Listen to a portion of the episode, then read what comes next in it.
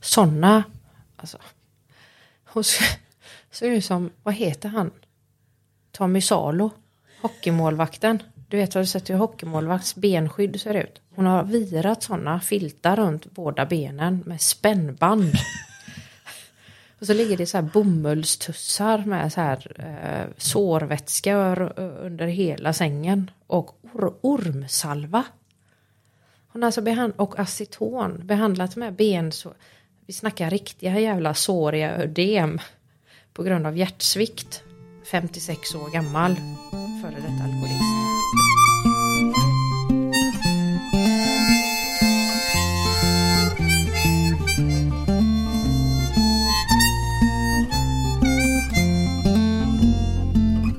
Döden gick på gatan och livet sprang tätt.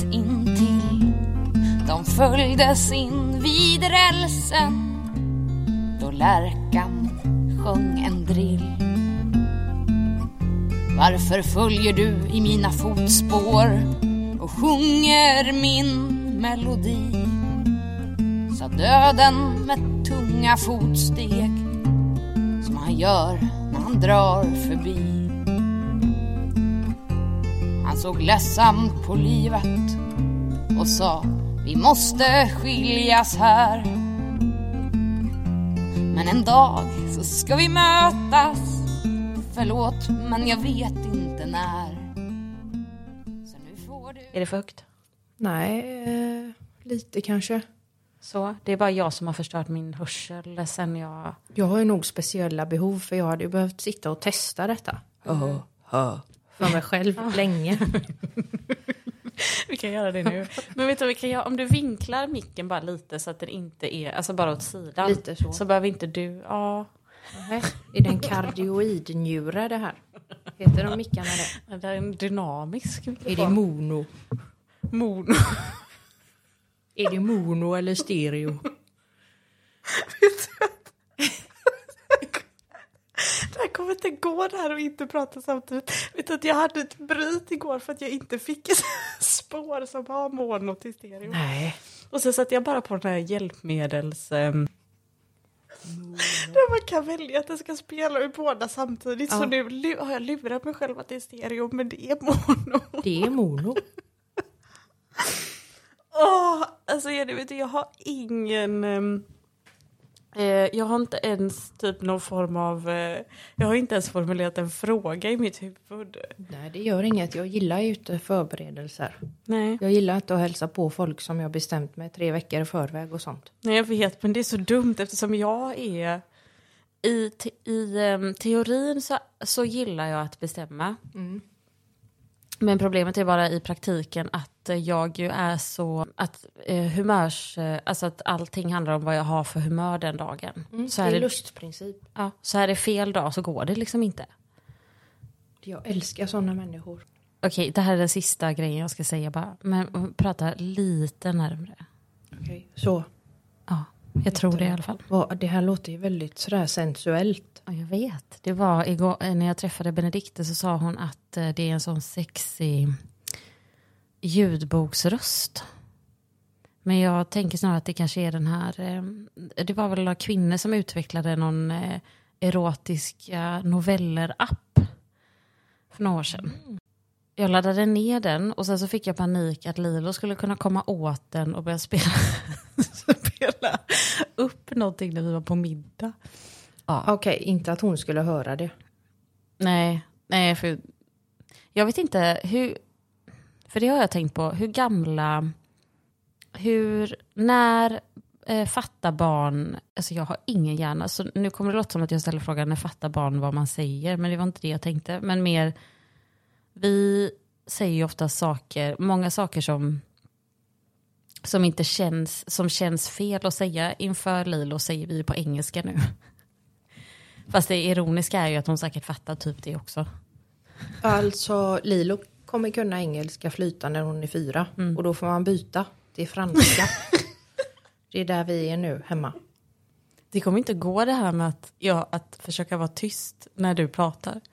Men för jag har försökt tänka, alla som, alla som jag har som gäst i podden, de som jag känner sen innan så har jag försökt tänka vad, vad första, vad man sågs första gången eller vad det var man gjorde. Men jag såg ju dig innan du såg mig. Jag såg ju dig första gången när du var med på det eventet som My hade. Ehm, och när vi läste ur dagböckerna. Men då läste ju bara du första gången. Och Just jag det, blev helt kär i dig. Det är så jag tänker att alla blir i dig. Nej, det är faktiskt antingen det eller det andra. Att de hatar dig. Ja. Ja. Eh, och jag ser på vissa människor vilka det är som kommer hata mig. Till exempel han Erik Robinson, han hade hatat mig så mycket. Så det är nog antingen eller. Men det är ju väldigt skönt när det blir den ena sidan som du beskrev nu. Men det, jag har en känsla av att det är många människor eh, som tar kontakt med dig eller som gärna vill eh, lära känna dig, inte, där det kanske inte är ömsesidigt. Eller? Det känns som att du är en person som kan ha många fans. Nej men det är ju många inviter och så. Åh, men alltså det värsta är såna, såna inviter har ju jag hållit på med. Med de här feministkompisarna som jag nu är kompis med. Och jag, ibland vill jag skälla på dem så här. Hur fan gick ni på det? Ja, att de var så himla lättflörtade. Ja, Ja. alltså Vad skrev du då? jag har ingen aning. Ja, det var, åh, jag drömde om dig i natt och så var det någon skitball dröm. Vi åkte pulka i en backe som var gjord av kött. Typ. Man måste ju, man måste ta i. När man nätverkar. Hade du drömt det på riktigt då? Eller var det någonting som du... eh, Nej, det kan jag hitta på också. Jaha. Men jag drömmer ju sådana saker också. Ja, och man kan ju, man kan ju inte säga att man, att man sitter och tänker på hur kul det hade varit att åka pulka tillsammans i en backe gjord av kött. Utan då måste man ju säga dröm. För annars så tänker jag att man låter det helt tappad. Ja, men sen är det också så här. Man kan låta människor som man inte bör ha i sitt liv exkluderas av sig själva. Så om man skulle säga så och inte säga att det var en dröm och, och personen står kvar, då vet man att det är rätt person för en, ens liv. It's a keeper. Ja.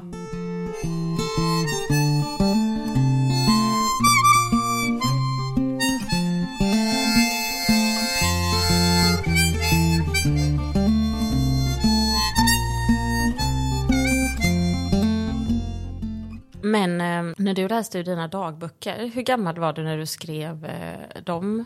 Var du i tonåren? Ja, för jag tror... Jag minns ju inte vad jag läste upp, men jag tror att det var... En sekvens handlar nog om när jag kollade på Melodifestivalen med Jimmy. Var Jimmy en pojkvän? Ja. Jag hade också Eller- min... eh, Han var ingen pojkvän, det var ju bara det att jag trodde att han skulle bli det. Han ville ju bara testa och stoppa snoppen i munnen på Ja, någon. just det. Det var bara Den där det. klassiska att man investerar allt man har och man sitter i en replokal i 700 timmar och Ja. tittar på när någon spelar vi, eh, videospel, tv-spel. Ja. Vilket år var det här? Eh, det var när Jill Johnson vann. Eh, den här eh, Melodifestivalen. Jill jo- Ja, vilken... Jill Johnson? När vann Ja. Nej, nej, Cecilia Wennersten. Det vackraste jag vet. Den är faktiskt med på min, jag har en spellista på Spotify som heter Dödsångesten. Och då har jag massa sådana olika klassiska låtar som jag alltid har mått så fruktansvärt dåligt av. Då är den med och så är Aha med, Take On Me. Fantastisk låt, men jag får sån ångest när jag hör den. Får du? Ja, jag vet inte, det är någonting med introt tror jag. Och sen även eh? Mambo number five. Va? Är det dödsångestlista? Men jag kan tänka mig att jag har den förknippad till något eh, barndomsminne som inte var bra. Ja, det var fan ingen bra dödslista. Du ska höra min. Oh, I, oh, I, oh, I, oh.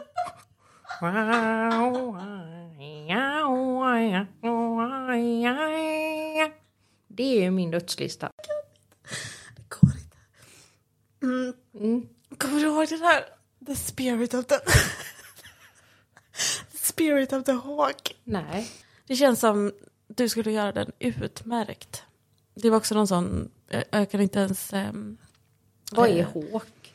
Ja men alltså det var väl... ehm, Men vad är en håk? eh, alltså örnens själ. Jaha. Är, är örn Eagle är ju... Vad är hawk? Hök. Ja. Ja. Det är ju ingen örn. Hawk. Tomahawk. Det är väl en yxa? Är det en yxa? Jag hade ändå någonstans hoppats på att jag hade kunnat liksom på något vis parera att ehm, skratta, bryta ihop och ha något seriöst samtal med dig. Men jag vet inte om jag kommer klara av det. Har jag, s- har jag sagt, Eagle owl. Eagle owl cherry.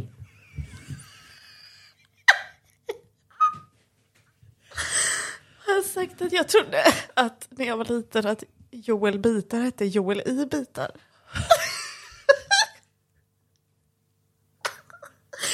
Ja, nej. Oh, Det här får vi klippa bort sen.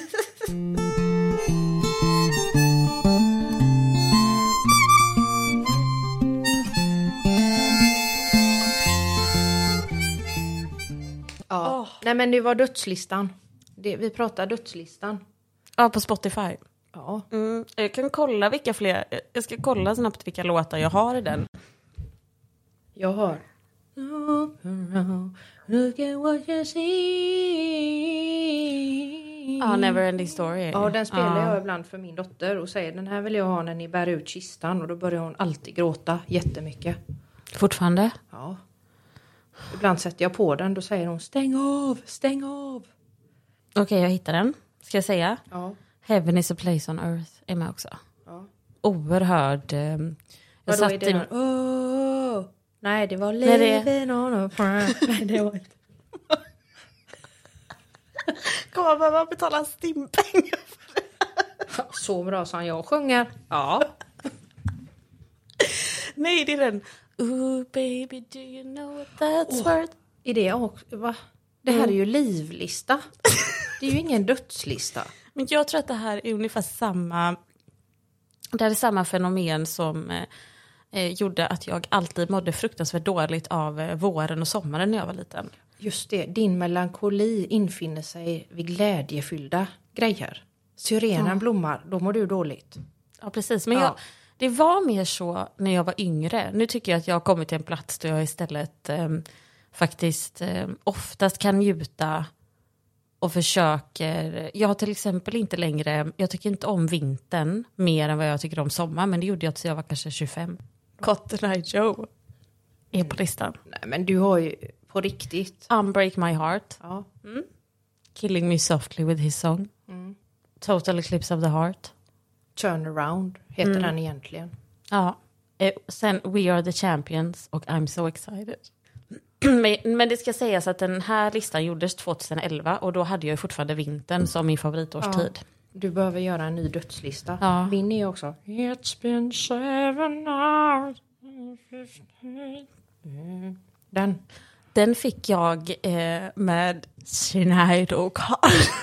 alltså inte, Shined. inte, inte, inte Prince version, för den är ju, den är ju otrolig. Men, men originalet då fick jag på en, eh, ja, ett mixtape när jag gick i kanske sjuan av en kille som var så kär i mig. Lever han? Eller Ja, har det han konverterat? Något av dem? Nej, han lever nog. Och har konver- det är därför han lever, för han konverterade. Till mono.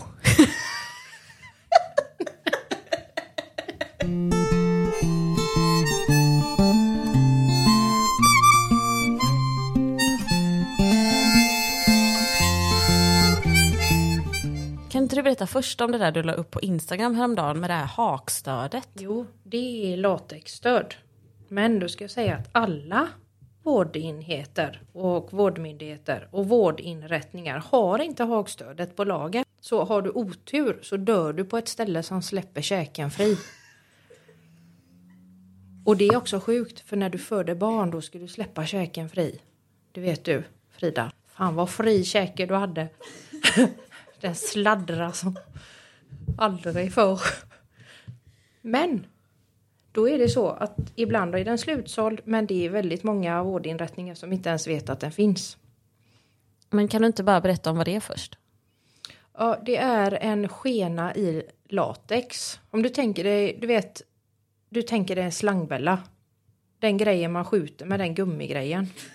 Den runda. Jag vet inte vad du har byggt dina slängbällor av, men jag har i alla fall använt latex.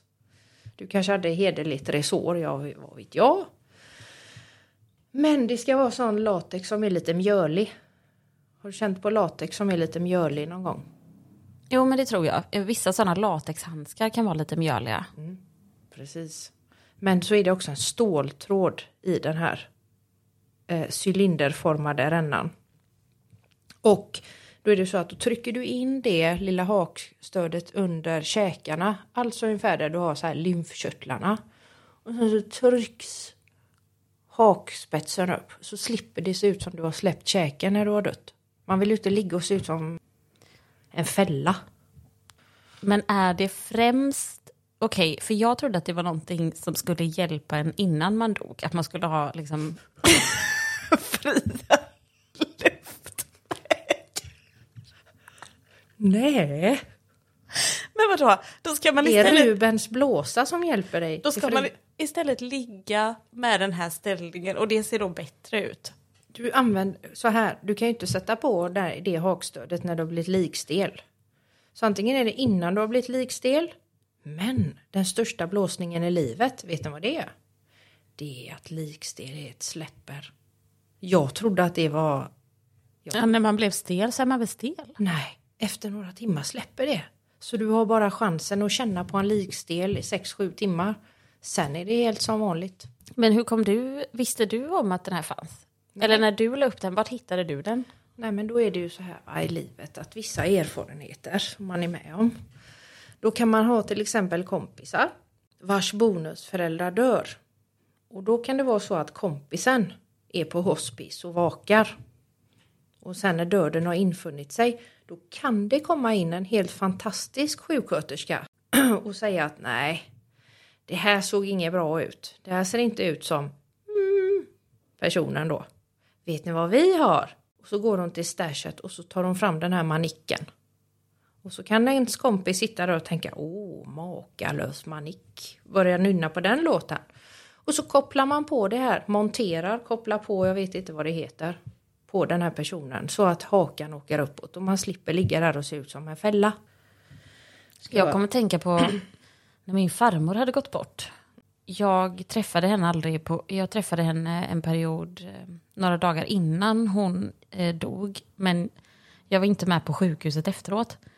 Men då fick jag återberättat av mig att det var någon i våran släkt som hade stått och haft som en riktig sån photoshoot. Och jag tycker att det... Jag tänker ju att eh, vi, att alla att det finns en poäng med, om man tänker både det födande rummet eller rummet där man dör, att, att saker dokumenteras. Och jag tyckte att det var jättefint att ha bilder på farmor. Men det som blev, eh, det hade tydligen blivit, blivit ganska dålig stämning för att han hade, du vet, så ställt sig i, ställt sig i sängen. Du vet med benen så Ja, ja, hängde ja. över för att få liksom bästa vinkeln. Och där kände jag kanske att kanske man kunde haft lite mer taktkänsla för de andra eh, i rummet. Men, ja. Frågan är vem ska man, vem ska man visa hänsyn till i rummet? För nu lyssnar jag på en dödspodd när jag åkte hit och då är det så här, då sa de att den som har dött skiter ju fullständigt i vad som händer efteråt. Nej, det är det enda jag bryr mig om ska jag tala om för dig, Ville jag svara då. Och då tänker jag, jag hade ju blivit som död väldigt glad om det var någon som hade lite ethics and care i sitt fotograferande. Att så här, det ska bli bra bilder detta. Men dålig ethics mot de anhöriga då. Men det är ju det, vem har tolkningsföreträde i dödsrummet? har du sett den här dokumentären om hon fotografen Vivian Mayer? Mm. Ja. Där var det ju, nu kommer jag inte ihåg exakt hela, hela händelseförloppet, men det var ju en kvinna som efter hennes död upptäcktes hennes fotografier och hon, att hon var en helt otrolig fotograf, men hon hade aldrig gjort någonting med dem medan hon levde.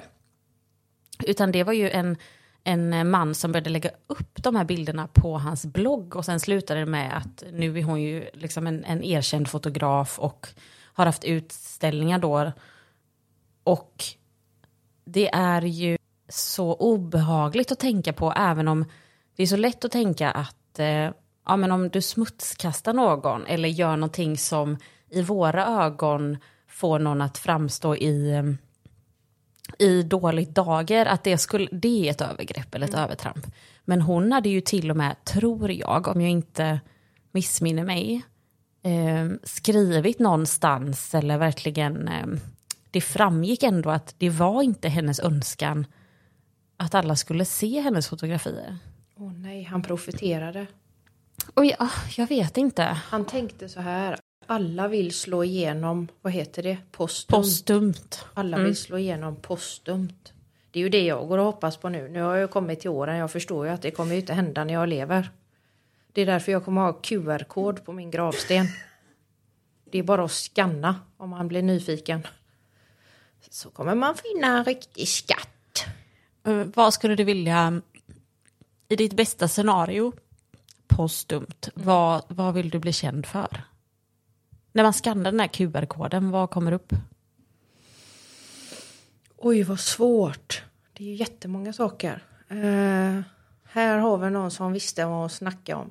Man vill ju gärna inte att, man, att, det ska, att QR-koden ska skannas och så ska det vara så som det står, du vet, eh, författare, föreläsare, eh, djurrättsaktivist, agility-proffs, ja, Nej. alla saker. Man vill ju gärna ha en titel, en tung titel. Det här måste jag ju gå hem och ta reda på. Är det jag som ska komma på det? Ja, men det, ja, det beror ju på då. Antingen så får man acceptera att man inte har någon kontroll och att folk kan profitera på en efter att man har dött. Eller så får man väl, eh, man kanske ska skriva in det i sitt eh, vita arkiv. Det håller inte jag på med, vita arkiv. Jag håller på med svarta arkiv. Ja, men du skulle förklara för mig vad det svarta arkivet var. Det är det informella arkivet som jag har hand om. Åt folk. Och mig själv. Det är bara att skriva vad man vill. Jag har två klienter hittills. det är mig själv och en annan. Mattläggare. är det. Men det får ju någon annan säga då vad det ska stå.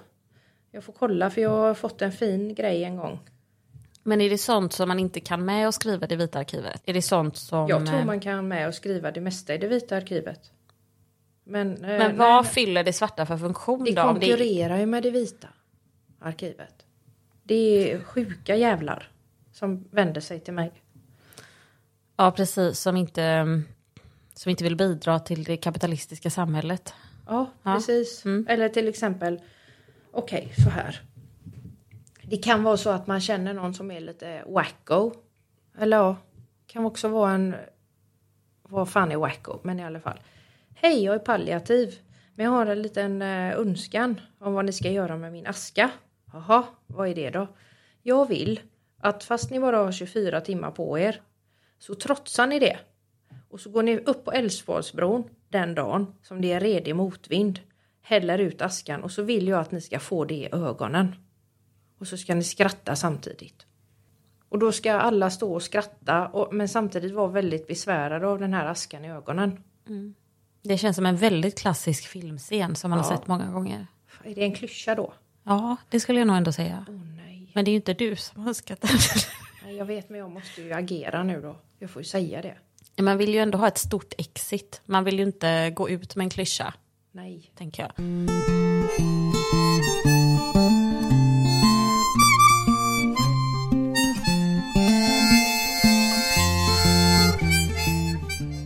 Har du valt kista eller? Är det någonting som man ska göra? Ja, vet du vad? Jag tänker att eh, nu när vi pratar om det så kanske jag borde göra det för det känns som att Jonathan skulle kunna välja, Är det han som väljer? nej inte om jag hinner först. Om du dör nu imorgon. Jag skulle vilja ha någon sån här jätte, jag skulle vilja ha något som är ganska obehandlat. Eller du vet, någon sån trendigt furu. Nej men, att jag tycker att det är väldigt eh, vackert med... Eh, Men du vill ha en hemsnickrad?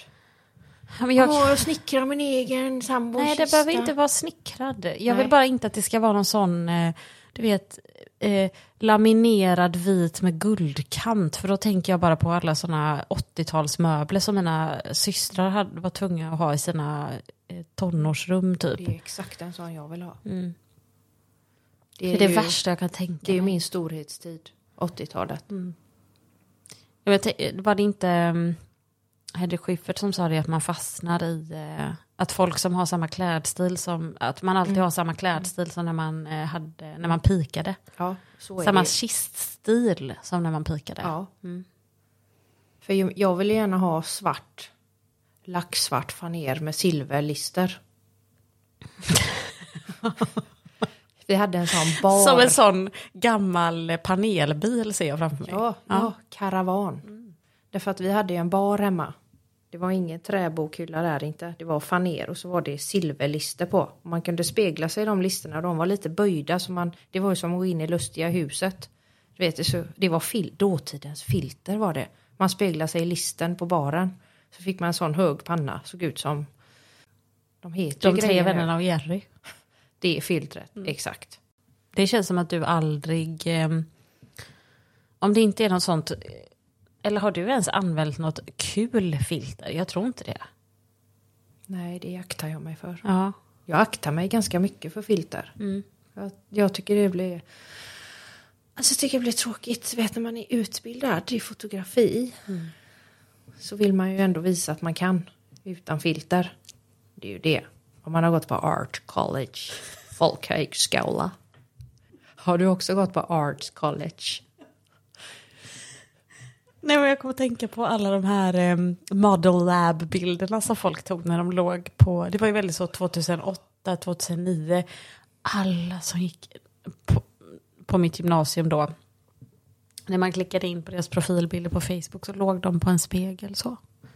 Frida, jag har kistan till dig. Mm. Erkänn nu att det här är din. Ja, vet du vad, jag tänkte faktiskt ta upp den. Ja. Ja, den, den är... Men jag kan nästan inte ens prata om det för att det är för vackert. Jag såg ju de dokumentärerna när de kom om Roy. Roy måste leva. Och blev... Ja, jag vet inte. Vad ska man ens säga? Jag vet inte om de... Finns de kvar på SVT Play? Nej, jag tror inte det. Men eh, ja, var, Jenny visade i alla fall en bild på den otroliga kistan som Roys pappa väl hade snickrat till honom. Mm. Där har vi ju ändå ett exempel på hur jag då har tagit kontakt med folk. Så som du tror att folk tar kontakt med mig. Jag har ju kontaktat Roys mam- mamma.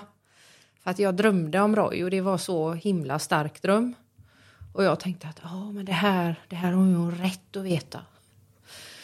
Så det var så här, jag, jag och Roy låg på en brygga tillsammans och fiskade krabbor. Och det var så här, när jag vaknade var det verkligen så här, det, den var så stark så jag måste träffa Roy.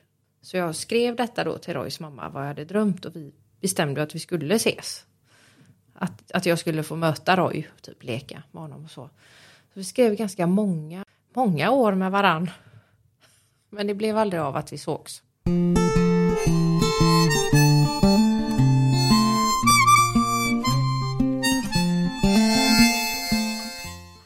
Här, jag ska ha en sån kista. Kolla, man kan koppla av fronten och grejer. Det är en, dels är det en kista där du kan öppna överdelen. Så att den nedre delen av kroppen, den är, men du kan öppna. Det är som på gangsterfilm. Expensive and sick caskets for sympathies. Här står det. Ja, och den är väl i någon slags... Eh, det är nog trä under, men sen är det nästan som att man har spacklat den med stål. Det är stålspackel i metallicfärg. Kolla dem. Det ser lite ut, du vet, som framför ett sjörövarskepp med en sjöjungfru längst fram. Fast på alla hörn. Är det. Och så är det... Ja, det är jättebra för mig. Du vet, man ruttnar ute på 20-30 år den. Jag ska inte börja ruttna tidigare än vad jag behöver. Men vad är det som, eh, för mångas argument när de väljer att de, att de hellre vill bli kremerade än eh, begravda, alltså ha en, en jordfästning säger man va? Är ju just det argumentet att de inte vill att kroppen ska ligga där och ruttna och så. Men vad är det, du vill, du vill inte ruttna? Jo, jag Ja, är väl vill fan en del i kretsloppet, eller? Det är, vad är det för människor? Ah, vad heter det? Artificiella människor som inte vill ruttna, undrar jag. Vad känner du själv då? Kolla denna då. Duntäcke och grejer i. Och den, Jag ska kolla. Det hade nog varit bra för mig för jag är så frusen. Jag misstänker att mitt lymfsystem inte kommer vara på topp efter att jag har dött heller. Nej, och det är det jag menar också. Det här är något du säger. Man får fan inte frysa när man har dött. Jag ringde till veterinären när jag hade avlivat min hund Daisy. Och frågade, ligger hon barbröstad? det är ju inte värdigt. Vad svarar de då? Alltså, hon är i ett kylrum. Och jag var så här, men jag vill att ni lägger någonting över henne. Ett lakan eller något. Och de bara så här, vi sysslar inte med den formen av etik. I djurhållning. Men det gör ni ju visst, sa jag då. Därför att man får inte transportera en ko i aktivt verkarbete. Men det får man med en människa. Nu kan vi börja prata om Kaiser då. Hur ska ni göra när han dör? Alltså jag har ju så, jag tänkte på det här häromdagen. Jag har ju, av, jag har ju varit med och avlivat ett djur tidigare. Eller när en katt som vi hade var jättesjuk och var tvungen att avlivas. Och det var verkligen den värsta dag. Alltså det var en helt fruktansvärd dag. Det var den dagen du lyssnade på. Jo. Nej men hur gammal var du? Eh, nej men eh, det här var ju eh, alltså en katt som jag hade när jag var vuxen. Så jag var väl kanske 24 eller något sånt där. Men eh, det var så otroligt... Eh, jag var inte beredd. Jag tänkte ju att när man åker in för att avliva ett djur att då ha- hade jag en bild av att okej, man kommer dit, de kanske får något lugnande, sen får de en spruta och somnar in. Men det som också hände och som jag har förstått ofta kan hända är ju att eh, någon av de här sprutorna som de får kan framkalla kräkningar hos vissa djur. Alltså han började springa i cirklar och han kräktes och kräktes och kräktes innan han bara kraschade och somnade in. Och det var så fruktansvärt. Det var verkligen, på tal om etik, sen förstår ju jag, alltså det, det är ju så här det går till uppenbarligen och, och vissa djur reagerar så här. Men är det verkligen så? Det här kanske är något för IVO? Har du undersökt saken om det här är vanligt förekommande eller var det något de drog till med? Jag tror att det som hon förklarade det, så kan det vara så, ja, fråga mig inte vad det är för substans som framkallar det. Men eh, Var det dödsrycket? jag vet inte, men jag minns bara att jag satt och hulkgrät. Och det som var var också att när vi skulle åka till veterinären för den här avlivningen den dagen, han ville, alltid när man ställer fram den här kattburen, så gick han alltid in i den och la sig. Den här dagen gick han inte in i den. Han visste. Just det, de vet ju. Djuren vet ju när det är dags. Min hund hade inte en susning förrän han dog kan jag tala om. Han dog Men det för- var väl skönt. förra året. Ska jag berätta om hur han dog? Åh herregud. Chihuahua, långhårig, svartvit, Stitch, 11 bast. Jag och Victor kollar på film. Stitch börjar helt plötsligt så här. Så här som hundar kan göra. Jag bara så ja ja men det är som vanligt. Men helt plötsligt så fälls bakbenen ut. Rätt ut så. Så han ligger liksom med hela bakdelen platt mot golvet. Jag börjar filma Stitch. Och skicka till Famey. Kolla Famey, jag tror han håller på att dö. Kolla, kolla du som hatar Stitch, nu dör han. Titta och njut, säger jag, på skämt. Men han håller på att dö. Så jag får fira in honom i en handduk. Detta är dagen innan barnbidraget vid Laos Panks. No money. Jag, jag tror inte ens jag hade bensin i bilen. Det stod så här 0,7 kilometer. Kunde jag köra. Det var minst 1,2 till Blå Stjärnan. Vira in en hals, äh, handduk. Kör över en vägcentrifug i en vänstersväng så hela underredet på bilen. Jag trodde du skulle säga att du virade in om en handduk och sen körde ni över honom för ni inte hade. Jag har ju ändå en gång när jag hade mycket att göra bundit fast honom i dragkroken när jag skulle packa in familjen i bilen. Och Bruno två år säger Var är Stitch då? Innan jag ska köra. Stitch satt fast i dragkroken. Tänk dig den synen om jag hade börjat köra. Han var olycksdrabbad Stitch. Han hade haft fyra ägare innan mig och en ägare bodde i Trollhättan. Hon var som Tabita.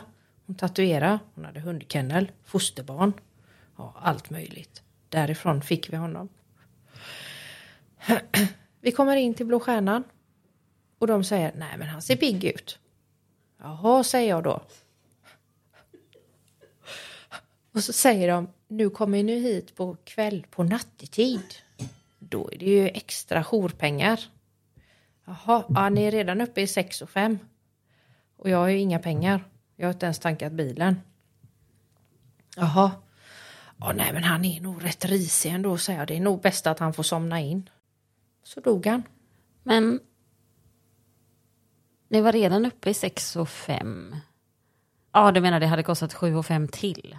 Ja. Och sen då så sa de vi behöver göra en röntgen och ett litet ultraljud och vi är uppe i 12-13.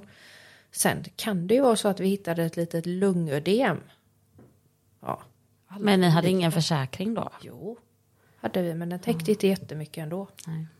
Då sa jag, det är lika bra ni låter den somna in, men han var ju aggressiv den här jäveln. Så de fick inte i honom lugnande. Vet du, hur de får i aggressiva hundar lugnande. De sätter in hunden i en tight bur. Och så har de sådana blåsbedövningspilar. Fast de blåser inte. Men de gör så. Fötter in den. Så de tog ut hunden i den här buren och jag och Frida sitter inne i rummet så hör vi han skrika för livet för de missar. Sen kommer han tillbaka och är jättelugn och fin som han aldrig någonsin har varit. Och Stitch hade många åkommor som jag var nyfiken på och då tog jag tillfället i akt och kolla på alla dem. Alltså jag fick äntligen hantera min hund. Hur länge hade ni haft honom? Fem år. Ja. Men i alla fall sen när det skulle till att betala då fick man ju bara ringa mormor. Mamma. Det, Kan man inte bara be dem skicka en faktura? Om man är kreditvärdig kan man det. Inte om man har UC-scoring 12,5.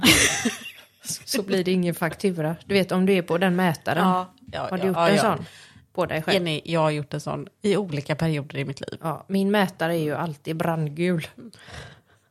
Aldrig det- grön, aldrig röd, men brandgul. Brandgul. Och sen blir den röd. Den har aldrig varit röd. Nej. Brandgul är den. Men då tycker jag att du ska trösta dig med att den aldrig har varit röd. Ja, men jag gör ju det hela tiden och det är därför jag inte har en bostadsrätt. Det är därför du inte har det grönt. För Ja, att du tröstar med att exakt. den inte är röd. Ja. Det Men- kunde alltid varit värre, tänker man ju. Jag, eh, en bekant till mig, jag tänker att jag får maskera det lite så för att eh, det inte ska bli för personligt. Men hon berättade att eh, hennes, eh, det, det här är en så sjuk historia, jag, jag tror inte ens att jag kan göra den rättvisa, men hon kom ju hem till att deras ena hund hade ätit av huvudet av deras chihuahua. Och det var så blodrester i hela huset. Hade jag varit med om det så vet jag inte om jag någonsin hade återhämtat mig. Men alltså, ja, det har blivit något med mig på senare år. För jag, så som du säger nu, så tänker jag ju intellektuellt. Men djuret i mig tänker, ja, Darwins lag, only strongest survive, så går det när man domesticerar djur. Så har jag börjat försvara mig.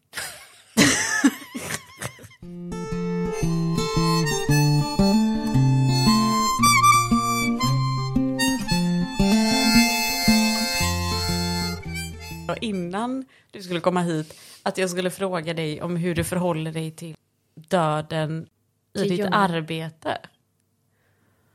Om, menar du om någon, ett barn skulle dö på min arbetsplats? Nej, utan om barn frå- pratar ni om döden? Åh, vad Vill du säga spännande. först vad, vad du jobbar med? Ja, jag jobbar ju som förskollärare. Men alltså det är ju inte mig rättvist att säga att jag jobbar som förskollärare bara. Jag är barnrättsstrateg. Nej, men jag jobbar som förskollärare och alltså det här, dels så är ju samtal, svåra samtal med barn är ganska eftersatt i förskolan skulle jag säga. Eh, jag vet inte varför, men jag tror att det är Dels tror jag att man är rädd för att få frågor från föräldrar faktiskt. Men det är inte jag rädd för, för jag vet att jag alltid kan argumentera för, dem, för det. Alltså pedagogiskt om en förälder. Men jag, jo, jag pratar jättegärna och ofta om sånt med barnen. Eh, har även haft ett tema, begravningstema. Alltså det är ju många barn vid flera olika tillfällen som, alltså barn, så här är det. Det finns vissa saker som barn i förskolan, teman som återkommer. Diamanter, barn älskar diamanter. Blod, barn älskar blod. Fängelse, barn älskar fängelse. Hajar, hajar, fängelse, diamanter, kungar, blod, lås. Ja men det, det, alltså det är återkommande teman. Typ. Det, och det är ju så här morbida grejer många gånger som kommer. Men då har man ju vid vissa tillfällen haft barn som har varit på begravning och gärna vill leka det. och jag blir så glad när så Yes! Äntligen en riktig lek! Så vill jag åka och köpa sådana dödsskyfflar. Barnkistor. Ja, alltså ja. Alltså vi har ju byggt sånt. Så, så, här, så brukar jag fråga dem. Jaha, för jag, jag gillar inte att svara på barns frågor utan jag gillar att ställa frågan tillbaka. Mm, och då frågar jag så här. Jaha, men hur ser man ut när man är död då? Ja, men man ligger så här. Så lägger de händerna i kors. Och man har kryss på ögonen. För det är på tecken. Man har kryss på ögonen. Så när jag dör vill jag gärna att någon tejpar med eltejp kryss på mina ögon. Så mycket. Så alla barns teori stämmer när de hälsar på mig på begravningen. Men frågan är då när de leker de här lekarna, hur brukar det se ut? Vad brukar de vilja? Är det att de är med på begravningen eller är det de som begravs? Okej, då är det så här. Det finns hierarkier i barngrupper. Det finns inträdesstrategier. Alltså hierarkier då. Det kommer ett barn som inte brukar få vara med som blir nyfiken. Då är det så här. Ja, du får vara med, men du är död. Så är det ju. Och, och det är så här. Antingen godtar de det. Oj, förlåt. Och de som, barnen som godtar det, det är också en strategi för att få vara med då. Så det är mycket så här. Ja, kom inte in här. Det är lava på golvet. Så, för barn vet ju. Barn vet att man inte får säga nej till någon som vill vara med. Så det är så här. Får jag vara med? Ja, det får du. Men kom inte in här för det är lava på golvet. Så lindar de in det att de är omsorgsfulla egentligen. Ja, och sen om det är någon som bara så här. finns ju ingen lava här och ändå går in. Då blir det, då blir det problem. Men då, då kan man ju. Sen, sen beror det lite på plotten då. Är det höjdpunkten i leken och vara död. Då får ju inte den minst värda vara död. Det, det, det, det de leker det är typ man måste se trovärdig ut. Och då har ju de nidbilden av hur en död ser ut och det är ju det. Med tungan ut så. Um, men sen är det mycket det här runt omkring att de säger åh och så måste vi ha blommor. Åh, vi måste ha blommor och du ska gråta. Uh, så, så, det är ju mycket så här, det finns alltid en regissör. Och sen är det ju så här. Det, det, den bästa leken det är ju när barn har egna erfarenheter av det på riktigt. För en sån lek skulle nog inte starta utan en erfarenhet eh, från barnen. Eh, det är samma, vi har haft, ibland har jag haft barn som har haft frihetsberövade föräldrar. Och då är det också jättemycket det här fängelselek. Nej, du ska sitta där och äh, du får inte komma ut. Oh, så här. Får man någon utbildning i just de specifika när barns erfar alltså när de bearbetar saker genom lek. För det tänker jag att man vill ändå ta upp under sin utbildning. Alltså vi, man, får ju, man får ju jättemycket utbildning i samtalspraktik och hela utbildningen präglas av utgå ifrån barnens erfarenhetsvärld och deras livsvärld. Inte subjektivitet, typ. Du ska vara medskapare med barnet och så här. Men jag ser ju tyvärr inte det i praxis så ofta, utan det är mer det här leker ni? Oj, oj, oj, de leker död. Det, det, det är nog något vajsing där. Det är nog... Jag vet inte om han mår så bra. Vi kanske ska ringa ja, BUP kan vi inte ringa men åh, specialpedagogen. Eller att man typ där. Vad leker ni? Vi leker död. Är det en rolig lek? Tycker ni verkligen att det är roligt att leka? Att någon har dött? Det är liksom alltid någon form av värdering eller så här, moralisering eller så ska man analysera. Eh, och, och det kan jag ju ha lite svårt för. Så. Det är samma som när de leker mördare. Alltså, jag hörde för inte så länge sedan. Jag ska bli massmördare när jag blir stor. Jaha, varför det då? Äh, det kommer att komma massa blod och... Jaha, gillar du blod? Svarar jag. Alltså, jag gillar ju att spinna vidare. Men jag kan också se att det provocerar. Det är också någonting med den här eh, att man som vuxen är så obekväm med det så att man tänker men om jag inte ställer några följdfrågor då kan jag inte få något obekvämt svar. Och så, för jag tänker att den där eh, inre världen kommer ju fortsätta i det barnet ändå oavsett om man har ställt de där frågorna eller inte. Ja, och det är ju lite samma sak med så här. Hur, kom, hur blir det bebisar? Den frågan. Och då är det så här. Mitt uppdrag är ju att jag, jag ska också förstå att det finns olika. Barn kommer från olika eh, kulturyttringar och förklaringsmodeller hemifrån. Men en utmaning i mitt uppdrag är också att i läroplanen står det att barnen har rätt till naturvetenskapliga förklaringsmodeller. Så det är så här. Uh. Men då brukar jag ta upp det med föräldrarna. Eh, så här, hur har ni pratat om det här hemma? Har ni märkt att de är nyfikna? Och jag har ju jag har ett uppdrag att informera när frågan väl kommer. Hur, hur liksom och då brukar det vara så här, ah, men jag hemma hos mig, hos oss liksom, vi har inte pratat om det. Jag vet inte vad jag ska säga, jag är inte bra på det här.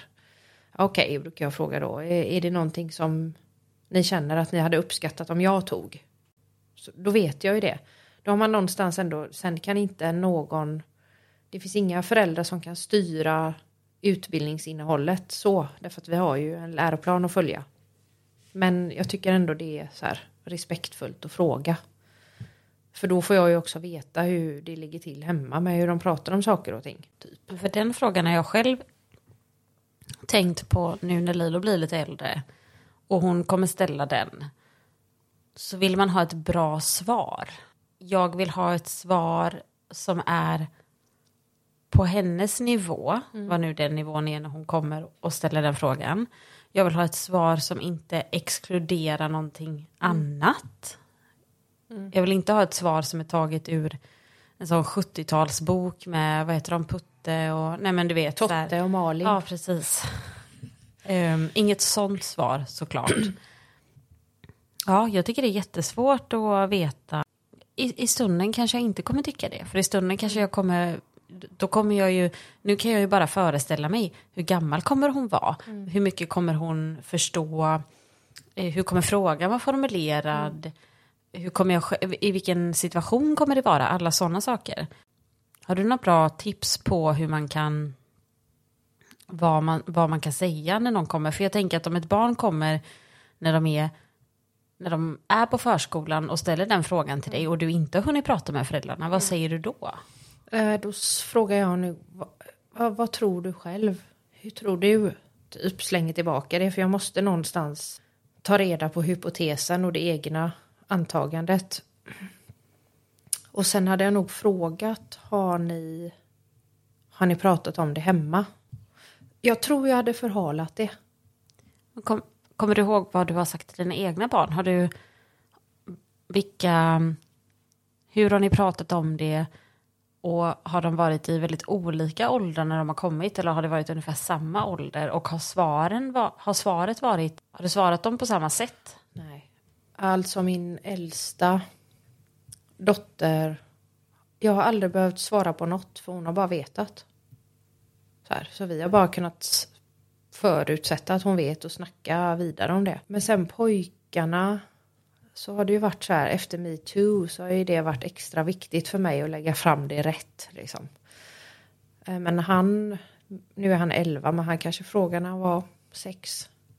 I badet frågade han någon gång och då sa jag bara att i pappas pung finns det som små grodyngel. Sa jag och i min mage finns det ägg. Och de kan simma ut från snoppen och in i snippan. Sa jag. Och då när, det, när ägget krockar med det grodynglet så blir det en bebis. Om man har tur. Det är inte alltid det blir en bebis för det är så här svårt. Typ. Aha, och då kommer ju följdfrågan, han hade kunnat nöja sig med det. Men följdfrågan var ju, har jag sådana nu som kan simma ut från min snopp in i badet? Alltså kan... Nej, sa jag, för att man måste stoppa in snoppen i snippan. Och om man ska kunna det, då måste snoppen vara hård. Men det är den inte förrän den blir mycket större. Typ när du är kanske 16-17, sa jag. Till honom. Sen var det inte mer med det. Faktiskt. Men sen. För två år sedan så hade han en period han inte vågade gå och lägga sig. Och jag bara, varför, varför vill du inte gå och lägga dig? Alltså jag kan aldrig somna. Jag är så rädd att du och pappa ska knulla.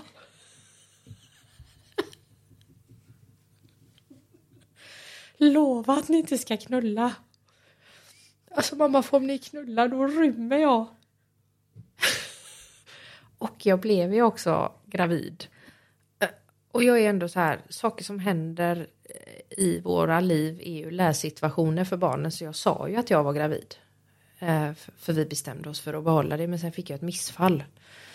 Och då var det ju så här varje... Oh, så skönt att den dog alltså. Så skönt. Fy, jag skulle... Alla de skriker och... Alltså mamma, det var så bra att den dog. Och då fick jag ändå det här, det heter missfall, så blir det ibland. Ja, varför blir det så? Ja, men det kanske inte var livsdugligt. Jag vet inte, inte så konstigt bara. Det är så ofta som jag upplever att um, den här klassiska, många väljer ju att berätta om en graviditet efter vecka 12.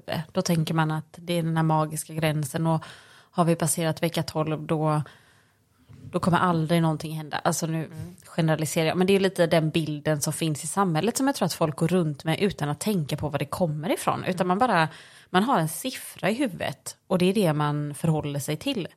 Men då vet jag ju att det ändå har varit eh, par omkring mig eller som jag har hört eller läst om där de har sagt att ja men vi har inte berättat för barnen än för att det är fortfarande så osäkert. Och jag blir så ledsen när jag hör det.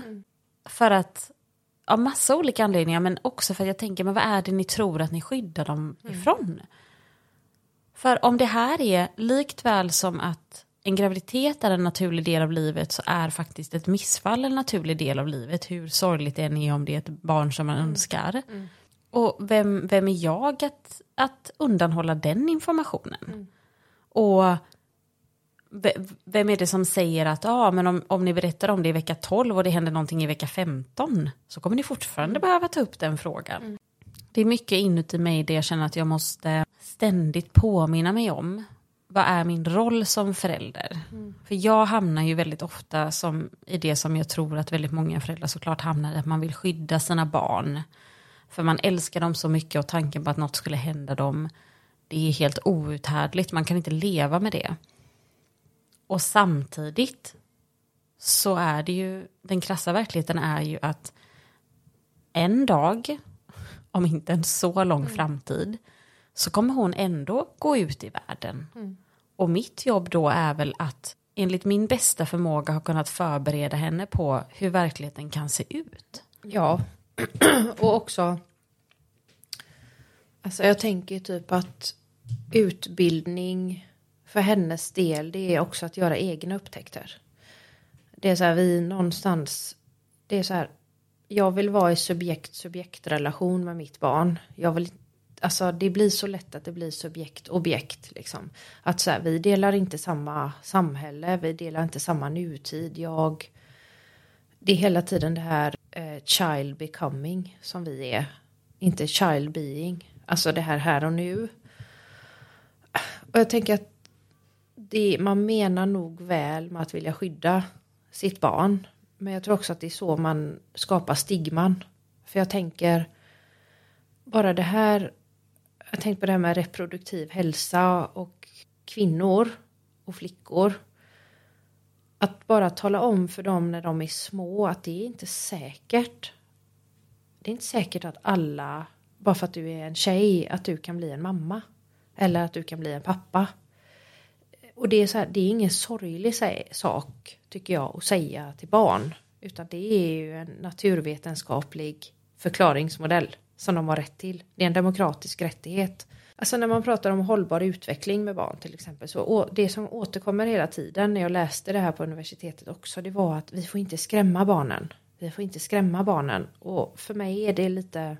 Jag vet att det inte är medvetet. Men för mig blir det lite att man har en dålig barnsyn. För jag tror att barn är resilienta och tar emot sanningen. Efter såklart ålder och mognad. Man behöver liksom inte slänga en sanning i knät på dem som de inte är beredda att höra. Men jag upplever så ofta att de redan de vet redan. När vi slänger en sanning i deras knä så har de redan vetat om den i två år. Och hur mycket det påverkar. Det är så mycket som barn suger åt sig. Som du säger, som de redan vet. Och vilken skada det gör att inte sätta ord på det som vuxen. Man har ju såklart varit med om jättemånga sådana exempel, exempel när man själv växte upp på olika sätt som man de flesta kommer jag inte ens ihåg, men man kan på något vis känna dem i kroppen. Men jag vet att jag pratade med en vän om det här, för då sa hon att ja, men när jag var liten så, hon berättade om sin pappa och han var fantastisk på många sätt och han hade varit en riktig affärsman och under en period, det var väl där i, början på 90-talen med, på 90-talet, så gick företaget i konkurs och så pratade vi om det här just för hon sa att eh, ja men han, ehm, han kom hem och han lät, eh, men han liksom tappade aldrig masken inför oss barn och sådär utan att vi, vi eh, det var viktigt för honom att eh, vi inte skulle liksom veta vad som hände. Och vi, vi pratade om det här och jag tänker så mycket på att men jag menar, det vet vi ju alla, oavsett om vi är barn eller vuxna. Allt det som vi inte säger, alltså bara i någons tonfall eller energi, eller bara det här att man har man ens föräldrar, man vet ju oftast om de, eh, alla har vi ju ungefär våra ritualer och man märker när någon rör sig utanför dem och man har den här radan, alltså den är ju när man är barn så är ju den raden också inställd på, det är en sån finkänslighet så det krävs så lite för att man ska känna att någonting inte är som vanligt. Och den skadan det kan göra, att som vuxen då inte sätta ord på, som du säger att det såklart ska vara i nivå med vad barnet, vad, i vilken ålder är barnet, vad är det för mognadsnivå, vad upplever jag, att, hur kan jag säga det till mitt barn? Men att inte säga någonting, ditt barn vet ändå att någonting händer. Och då kommer istället fantasin kicka in. Och jag tänker att fantasin är tusen gånger värre oftast. För att då måste man också ta ansvar för den själv. Istället för att en vuxen säger, vet du vad, Ehm, det är, pappa har det svårt på jobbet, men det är inte ditt problem. Pappa tar hand om det. Men det är därför som jag är lite ledsen, eller nere, eller trött. Men att liksom, det här att man, och jag kommer säkert göra det här så många gånger i mitt liv, även om jag försöker vara medveten om det. Men jag, den här, fan, alltså alla fantasier som sätter igång som är hundra gånger värre oftast än vad verkligheten är. Och att man som barn då tar på sig allt ansvar. Alltså barn som har förlorat en förälder. Som kanske har varit palliativ. Som inte får vara med när föräldern somnar in. Som precis som du säger, som fyller i med fantasi. Eller som går hela livet och undrar och aldrig får svar liksom. Istället för att...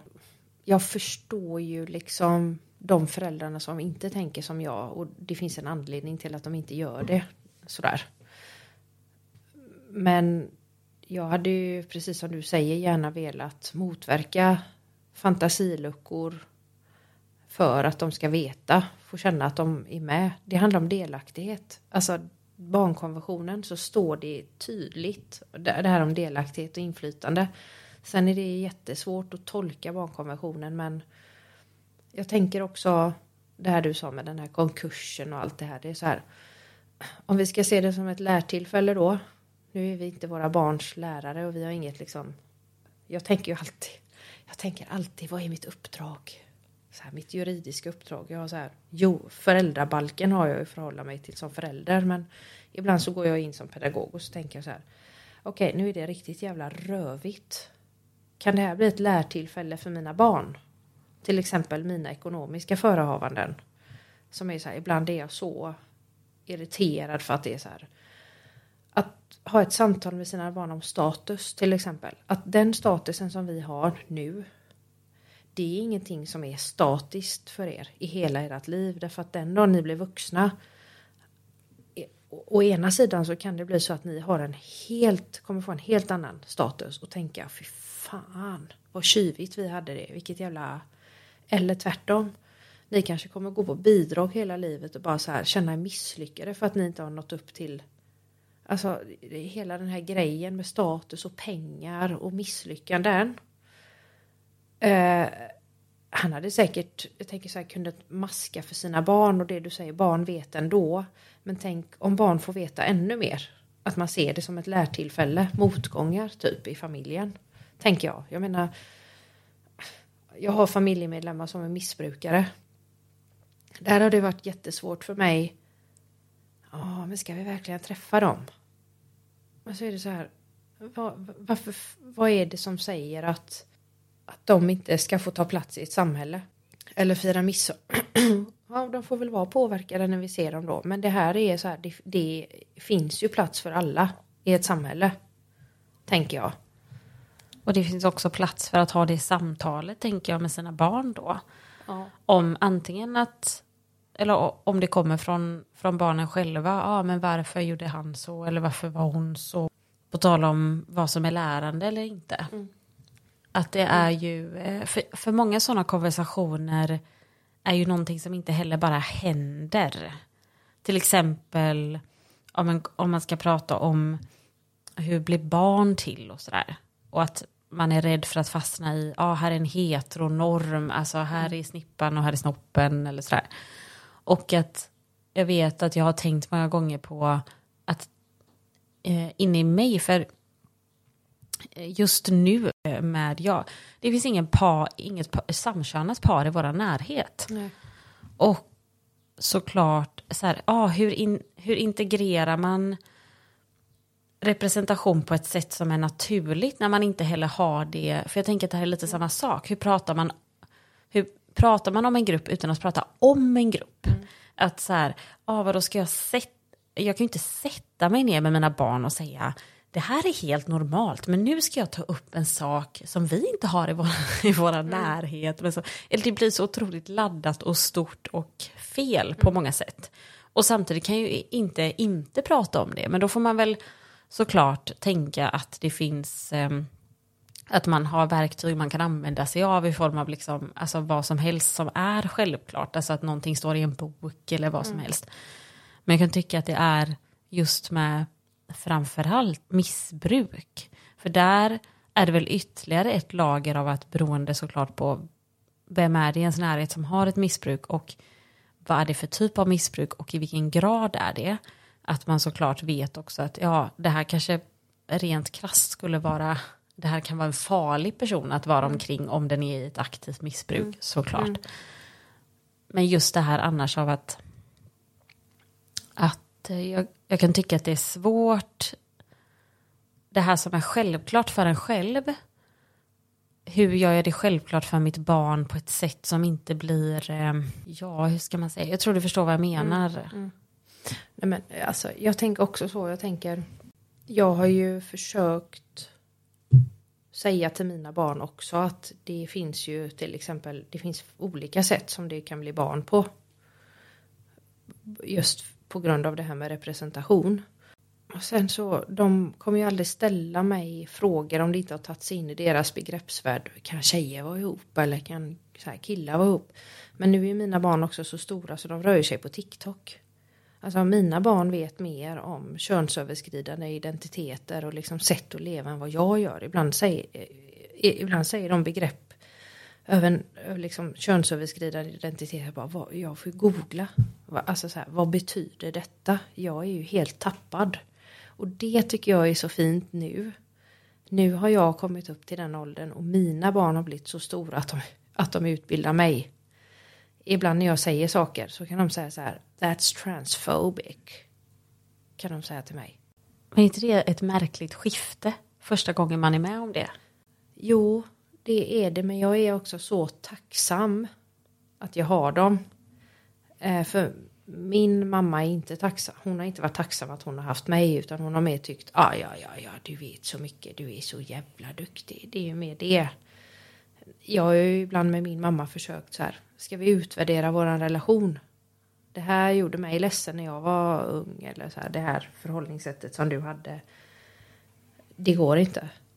Men med Frida, min dotter, nu har jag ju försökt att etablera en sån relation så att jag har sagt till henne att jag förväntar mig nästan när du har fått barn själv eller när du är 30 att du vill eh, ge mig feedback och jag kommer lyssna och bekräfta dig.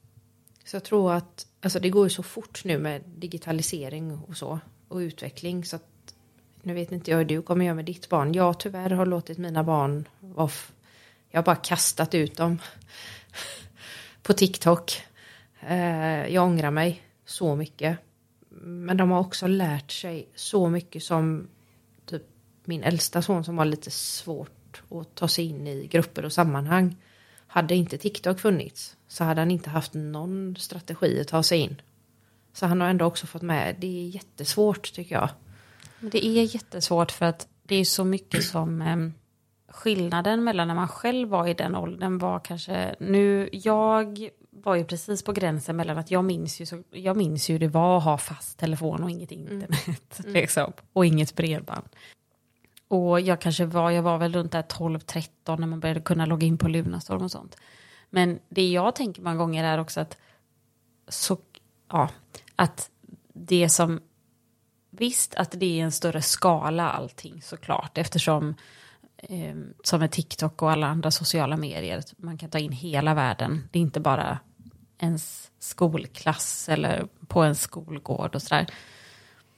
Men jag menar det var ju många sammanhang som man befann sig i när man var yngre som gav exakt det där. Ja, det tog och det gav. Alltså bara det att man inte kunde som vuxen, det var ingen vuxen som, som hade insyn i det sammanhanget.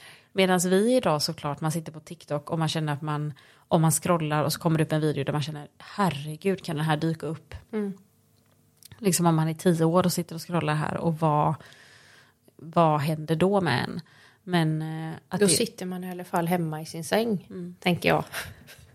Man ligger inte på en brygga på Tjörnbrons camping när Thomas kommer och bara så här drar upp bikinitrosorna så här lyfter den så att man ligger som Karlsson på taket och bara kastar i en. ja, och det var ingen vuxen där som kunde se det. Nej. Och man berättade det aldrig för någon vuxen. Nej. Såklart. Det bara hände. Då är det kanske ändå bättre att bara se det. Sådana pranks ser de ju på hela tiden. Ja, och jag vet inte. För å ena sidan så tänker jag också att det är att TikTok känns som helvetet på jorden.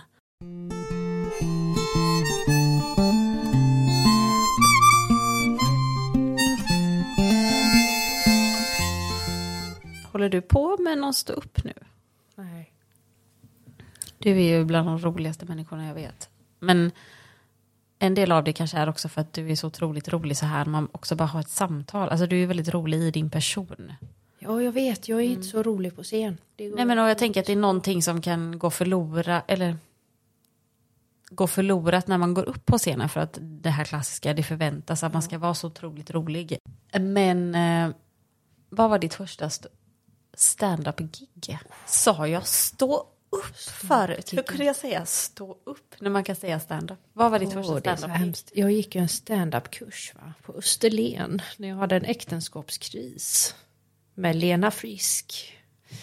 Och hon gjorde väldigt klart för oss, det var en sån Skånelänga hos en gammal operasångerska som heter Gabby som såg exakt ut som min mormor och hennes man. De hade den här gården. Jag tror det kostade 9000 eller något för helg. Jag skulle bo i Svinstian med en annan.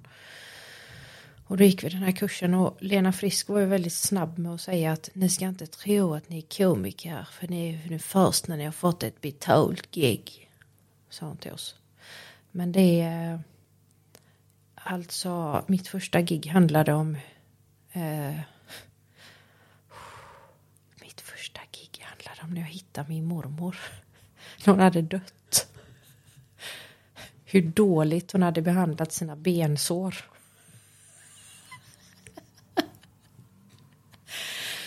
Du måste ju köra hela den rutinen nu för nu är jag så nyfiken. Nej men eh, då var det ju det att det finns ju så jävla röviga sätt att dö på. I- Alltså, I våran familj så är allt bara äckligt. Liksom. Allt är så tragiskt. Och då är det ju att hon har ju då hon har fört oss bakom ljuset och sagt att hon har hemsjukvård i flera år. Men det kan man ju säga att det fattar man att hon inte hade haft när man mötte henne. Du vet såna här 80-tals plädar, filtar med en panter på. Såna, alltså. Hon ser är ut som, vad heter han? Tommy Salo, hockeymålvakten. Du vet vad du sätter hur hockeymålvakts benskydd ser ut. Hon har virat såna filtar runt båda benen med spännband. Och så ligger det så här bomullstussar med så här eh, sårvätska ur- under hela sängen. Och or- ormsalva. Hon alltså behand- och aceton behandlat med ben så vi snackar riktiga jävla såriga ödem på grund av hjärtsvikt. 56 år gammal, före detta alkoholist. Men blev det inte någon kraftig infektion? Nej, hon dog ju av hjärtsvikt. Ja, men det här är ju väldigt tragikomiskt. Det är finsk humor. Ja, men Lena Frisk tyckte att det här var lite för mycket va? Ja, man behöver inte riktigt dela med sig. Men de gillade det, de som var där. Men mitt andra gig är ju det som är viktigast. Och det var på Bajsnördigt, hette klubben. Det var också där sen jag träffade Viktor. Men det var på Bajsnördigt. Och då tror jag jag hade någon rutin om eh, att jag inte hade råd med klamydiatest. Så att jag låg med min kompis son för att se om det bara svida när han kissade. Det var mycket sånt. Var väldigt olämpligt. Folk med läppspalt och halta och lytta. Det, det var ju innan metoo va? Man fick skoja om allt på den tiden. Det var innan man behövde klippa bort saker i en podd. Det var innan man kunde bli cancelled. cancelled. Och sen var det Kringlan. Vet du det? Kringlan Svensson. Han fångade upp mig för han hade hört ett skämt en gång när jag skojade om vad den som handlar på Ullared har på sig. Och det är ju alltid jeans utan bakfickor. Han tyckte det skämtet var så roligt. Och det tyckte inte jag. Men jag levde fan på det skämtet länge. Sen var jag med i Palmemordspodden också. Men man ville skjuta sig själv innan varje gig. Det är ju det. Det är därför jag har slutat. Jag är så fascinerad att folk eh, klarar av det. Det är fruktansvärt. Vet att jag en gång var på Hovås golfklubb. För att ha ett gig. Mm. Jenny from the hood. Tog det från din bensåren då. Nej, det var värre. Det var springmask. Springmaskskämten. Och de åt supé under tiden. Det var ingen som sa något.